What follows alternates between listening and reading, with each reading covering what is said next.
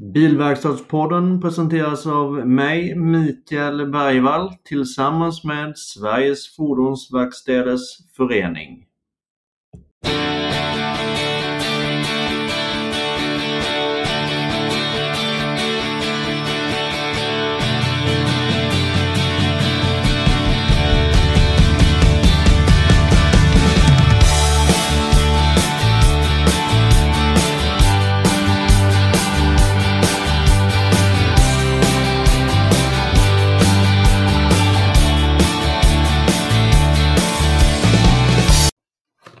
Dagens avsnittssponsor är Formac.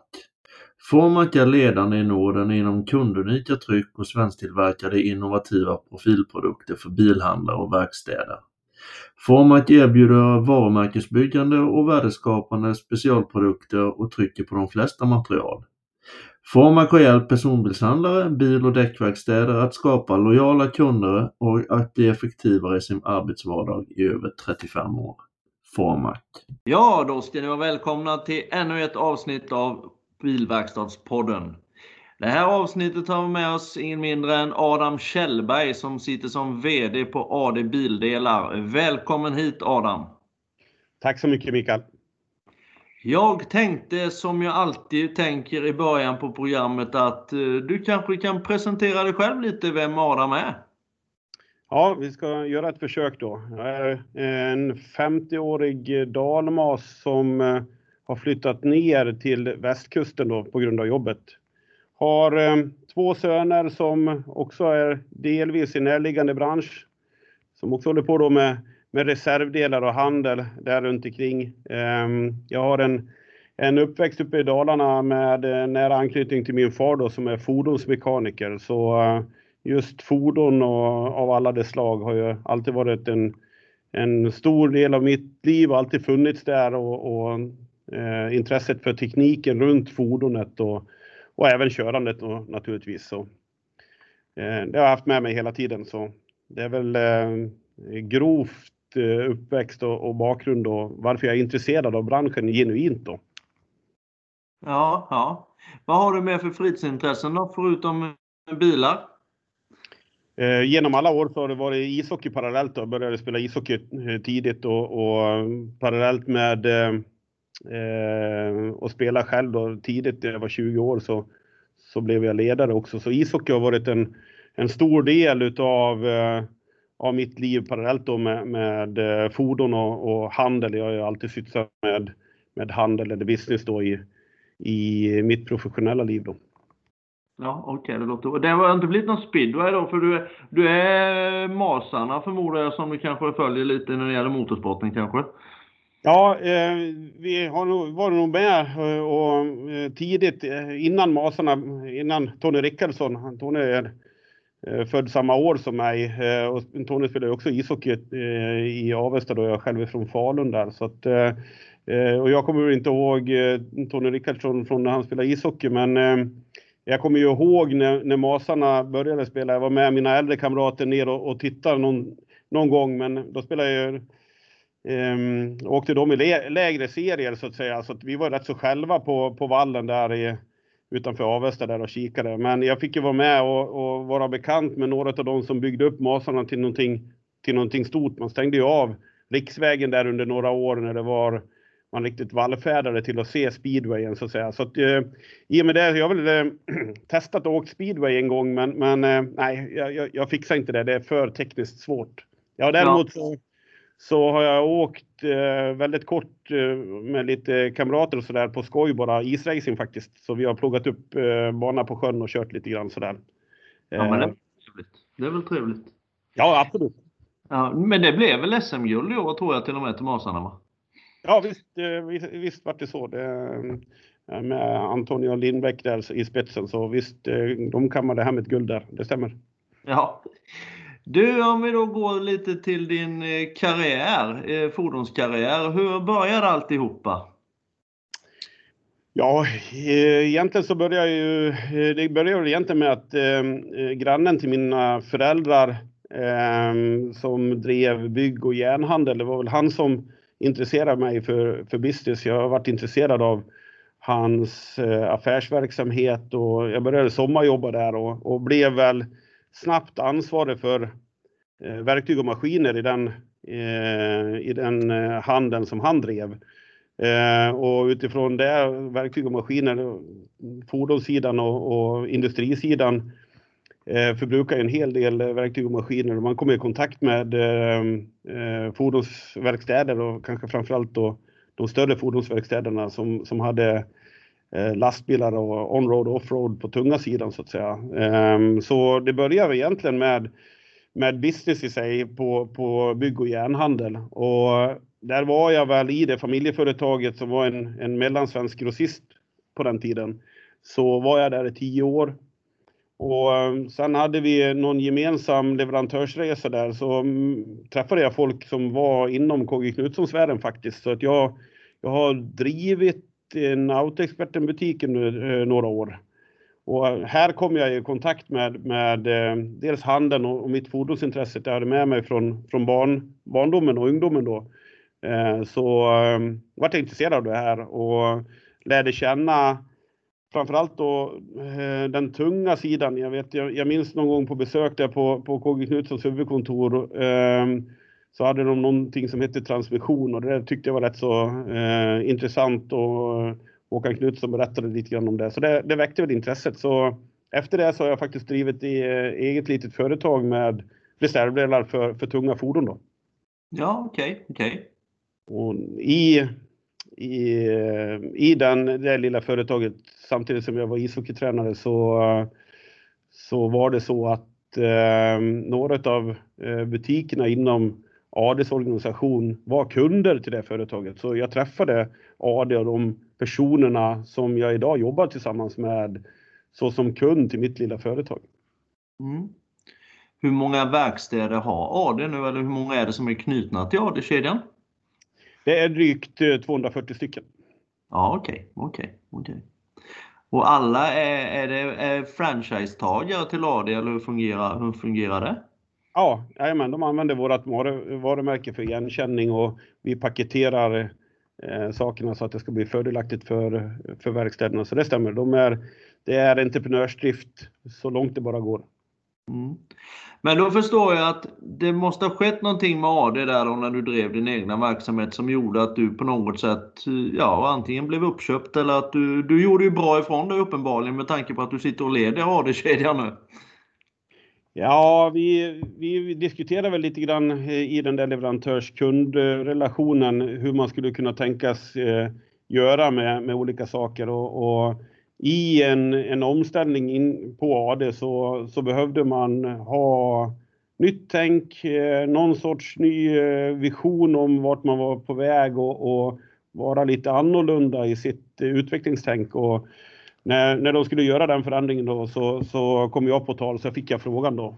Um, och, Eh, det, det, var ju intressant när man presenterade naturligtvis. Plus då att vi hade ju börjat gjort en massa affärer och sånt och här såg jag ju chansen att utveckla mig själv i relation till alla de entreprenörer som finns i både butiksdrift och verkstadsdrift inom, inom AD. Få möta alla de här människorna som har mejslat fram sin egen verksamhet och i och med den kontakten också kunna lära mig saker och utvecklas. Så det, det var det som triggade. Mm, mm. Blev du VD direkt då för AD eller började du initialt som någon form av regionschef eller någonting sådant? Eller hur, hur började det? Nej, jag varit rekryterad som eh, VD direkt. Mm. Och hur många år har du varit VD där nu? Det är i, får se, i november så blir det fem år då. Ja, okej, okay, okej. Okay. Det var inte så länge sedan du drev eget med andra ord. Nej, eh, tiden går fort när man har roligt, men, men ja. nej då, det är inte så länge sedan. Nej, men det är klart, det är väl en jättefördel att kunna driva eller ha kört eget innan och veta hur marknaden funkar och hur kunderna funkar och de här bitarna. Hur ser själva, om vi tar en vanlig arbetsdag för dig då, då hur, hur, hur ser det ut en vanlig arbetsdag? Eh, det är upp rätt så tidigt. Eh, försöker väl hantera de mejlen på morgonen där som jag inte hanterade eh, dagen innan då och, och planera dagen med lite, sätter mål för varje dag. Eh, oftast lite, lite för höga mål, framförallt för omfattande mål. Och sen, sen eh, är det ett antal möten eh, varje dag. Det finns olika agendor på de här mötena. Det är väldigt mycket av att hålla koll på vad som händer i marknaden och ta till sig marknadsinformation som i sin tur då i en förlängning ligger till, till grund för de beslut vi fattar för Eh, den utvecklingsriktning vi är på. Eh, och då krävs det då möte och lärande med andra affärspartners. Här, här centralt i, på servicekontoret eller ute bland butik i verkstäderna eller på leverantörssidan eller och det kan ju vara eh, när jag säger leverantörssidan så kan, är det inte bara produkter vi pratar om, alltså fysiska produkter, utan det är många gånger eh, tjänster som, eh, som kan addera till värde så att säga i, i våran organisation. Då. Mm. Så det är väldigt mycket möten, det är väldigt mycket eh, taktiska strategier kan man säga, eller eh, den typen av flöden och riktlinjer och hålla kontakten och försöka få de här strategierna via taktik då att bli verklighet. Mm, mm, mm. Ja, det förstår jag. Det förstår jag. Som du känner till så jobbar jag ju åt en organisation som heter SFVF, eller Sveriges Fordonsverkstäders Förening. Ja. Hur, hur ser du på den organisationen och hur tycker du att den fungerar? Eh, det har ju varit ett initiativ från SBF då som är grossisternas eh, förening. Eh, så SBF har ju varit initiativtagare till SFVF. Mm. Jag har själv varit och jobbat i och sitter i styrelsen på SF, SBF då. Mm. Så det här är ju någonting som, som har verkts fram med mina kollegor i SBF Ehm, och framförallt då Christer Liljenberg som sitter som, som ordförande där. Där man eh, rättmätigt har tyckt att vi behöver ha en branschorganisation som tar, tar tillvara eh, branschens intressen och driver de frågorna så att inte den, eh, oftast den, den mindre eh, aktören, den mindre eh, verkstaden kanske som inte har fullständiga resurser, att de får stöd och man kan ha, driva gemensamma frågor där det finns synergier och, och det finns eh, relationer till lagar och regler och, och en del information som behöver spridas och där man tillsammans då kan, kan informera och eh, även verka för att det ska bli en utveckling i branschen som är sund. Mm. Så branschföreningen är eh, väldigt viktig ska jag säga. Eh, det gäller att ta hand om, eh, om, om, branschen så att vi får eh, utveckling och då är branschorganisationerna Eh, ett eh, erfarenhetsutbyte eh, och driva utvecklingen framåt. Och utveckling är väldigt förenklat ett uttryck för eller kan likställas som välmående. Så man kan säga, får du utveckling så har du också välmående och vi vill ju ha en välmående bransch. Vi har duktiga entreprenörer i våran bransch som driver företag. Eh, men det finns också stora olikheter där ute och genom att hjälpas åt så kan man ju då nyttja de här olikheterna till styrkor. Mm. Det leder mig ju givetvis in på frågan om godkänd bilverkstad, så kallade GBV. Det, det, att alla ska slåss på samma villkor. Hur ser du på godkänd bilverkstad?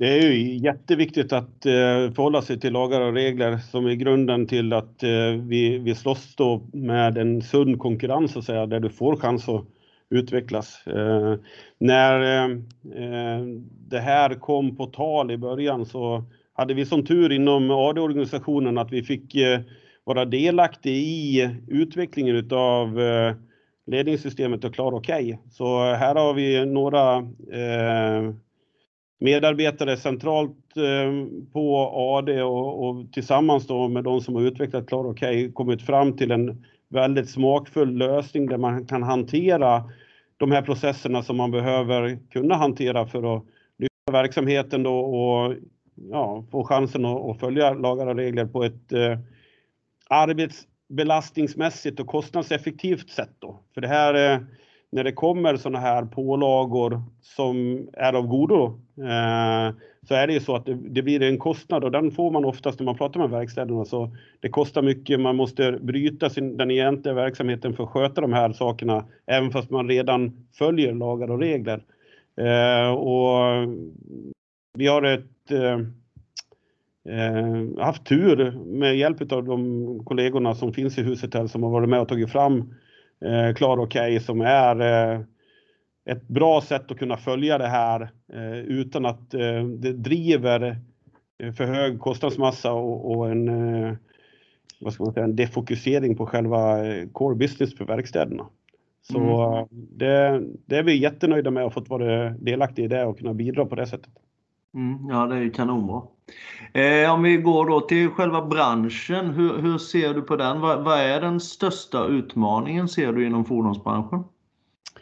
Generellt sett så är vi en jätte, jätteintressant eh, tid när du får en, en marknad som är eh, i förändring och den kommer oftast av att det är en, eh, en eh, hög mognad oavsett om, om det finns densitet i marknaden eller inte så, så mognar den och då kommer det eh, krafter, oftast då intressen som finns runt omkring branschen eller i branschen i sig som har eh, finansiella intressen på ett eller annat sätt som driver förändring och, och våran för, eh, bransch förändras ju stort och brett. Och här finns det ju jättemycket möjligheter, jättemånga möjligheter att, att vara, så länge du har eh, fokus på att vara förändringsbenägen och vilja vara med och utvecklas för att få ett välmående så Eh, det är ju jätteintressant det som händer i branschen där vi har eh, en viss del av konsolideringen, det kommer in ny teknik och hitta vägar och möjlighet att kunna anpassa sig till det här och därigenom vara del av utvecklingen och också hitta sin egen utveckling. Så det är många möjligheter om man inte tittar på och jämför med hur det var tidigare och försöker behålla samma struktur som det en gång har varit så är det här um, ja, det är ju en jättemöjlighet att kunna ta affären vidare uh, i, in i uh, morgondagen så att säga. Så att uh, det är väldigt positivt och väldigt ljust. vi känner oss själva i vår organisation flexibla. vi behöver få ut information och delge den informationen vi sitter på centralt. men även ta in informationen ifrån där verkligen eh, själva ute på verkstaden Mm, mm. En eh, riktigt stor utmaning för branschen är ju det här med mekanikerbristen, eller rättare sagt att få, få mekaniker tillsatta till verkstäderna så de stannar kvar i branschen. Har du någon lösning på det?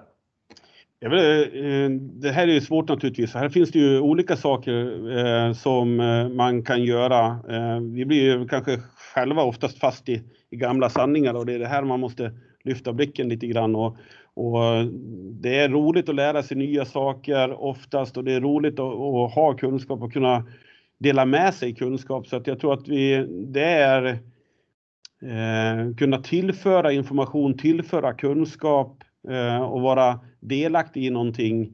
Eh, samtidigt så när du får kunskap och det värderas eh, ja, om man kommunicerar det rätt så värderas det högre. Och på det sättet får man upp en, en högre status i, i marknaden. Vi, vi har några intressenter i, i, i, marknaden, vi ska inte gå in på dem, men, men som gärna vill ha det som det har varit också, en sån fördelning, därför att man, man är rätt så bekväm, man tjänar pengar på att ha det som det har varit. Och sen har vi de då som vill ha till förändringen och återigen så är det en, en anpassning här och den kommer ju, faller ju ner på mekanikernivå också.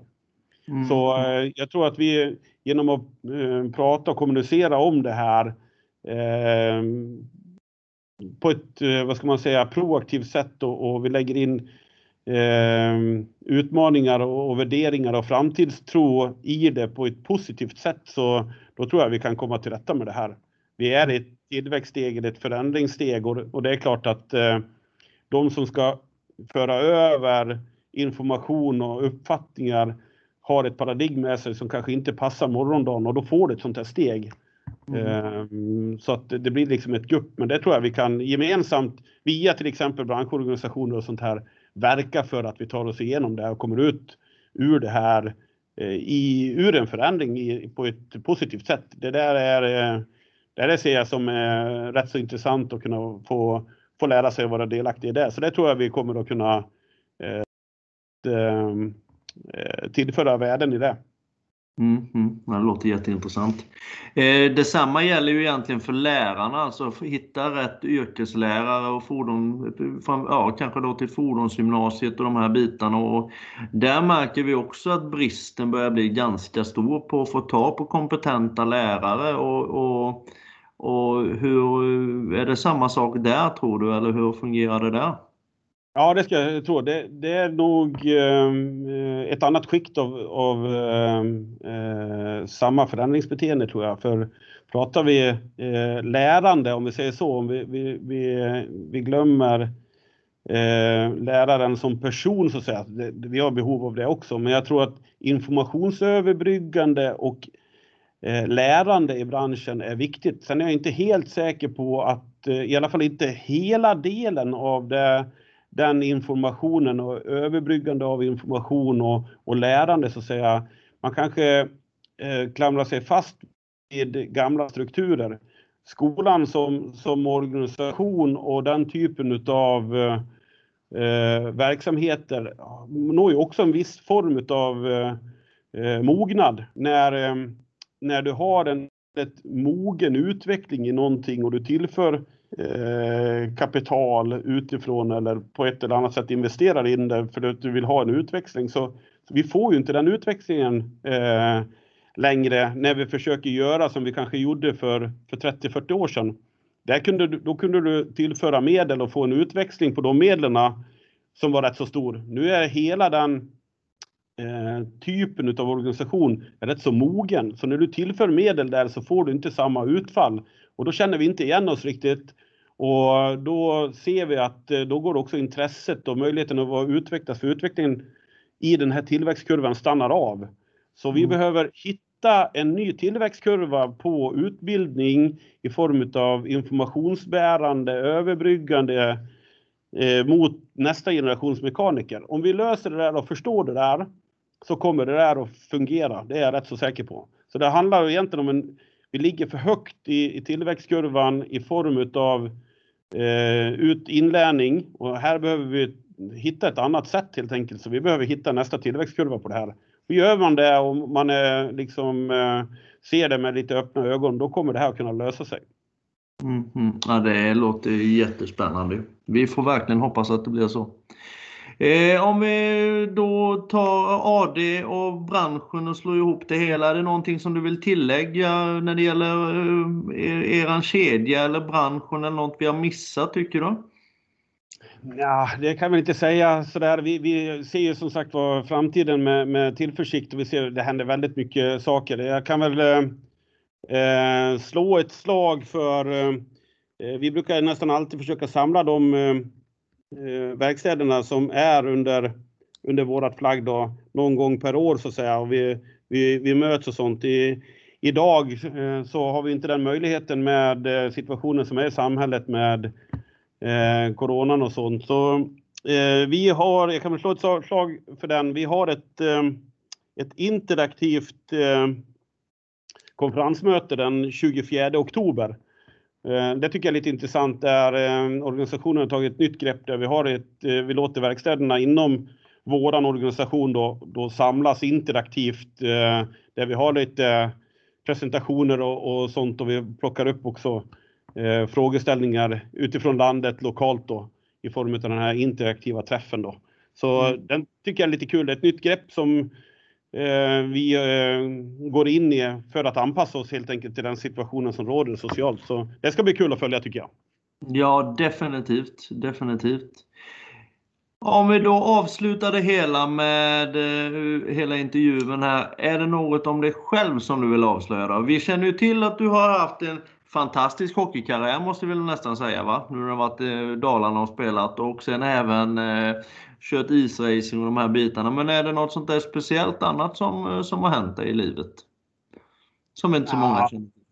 Ja, det, jag vet inte vad det skulle vara. Så, isracing det var en sak eh, som, som kanske inte så många känner till. Eh, för 15-20 år sedan så var jag väl, det är väl rätt så tidigt idag så är det väl kanske eh, ingen som eh, lyfter på ögonbrynen för det. Men eh, Eh, vi var tidigt i, i Kina och, och jag och en kollega i det här lilla företaget alldeles i början här när vi skulle starta och göt grävmaskinständer eh, på, på gränsen till Nordkorea. Eh, och första sändningen var Ja, den var, var kanon. Eh, bara ta sig dit och ta sig därifrån till eh, den här fabriken som göt de här grävmaskinständerna i, i ett sandgolv i en lada. Det var ett äventyr. Eh, och första sändningen gick ju som sagt var bra. Det var full av tillförsikt där, men nästa sändningen då med kärlen i backen som, som, eh, som är i Sverige så, så äh, de här grävmaskinständerna de gick ju av som tandpetare. När de satte skopan i backen. Så Okay. det är väl ingenting man, man kanske vill marknadsföra, men så var det. Ja. Det var en lärdom. ja, visst var det det. Du Adam, jag tackar dig så oerhört mycket för att du ville ställa upp på det här samtalet och jag önskar både AD och dig en stor lycka i framtiden och hoppas det går jättebra för er. Tack så mycket Mikael. Ja, ha det gott! Samma. Dagens avsnittssponsor är Formac. Formac är ledande i Norden inom kundunika tryck och svensktillverkade innovativa profilprodukter för bilhandlare och verkstäder. Formac erbjuder varumärkesbyggande och värdeskapande specialprodukter och trycker på de flesta material. Formac har hjälpt personbilshandlare, bil och däckverkstäder att skapa lojala kunder och att bli effektivare i sin arbetsvardag i över 35 år. Formac.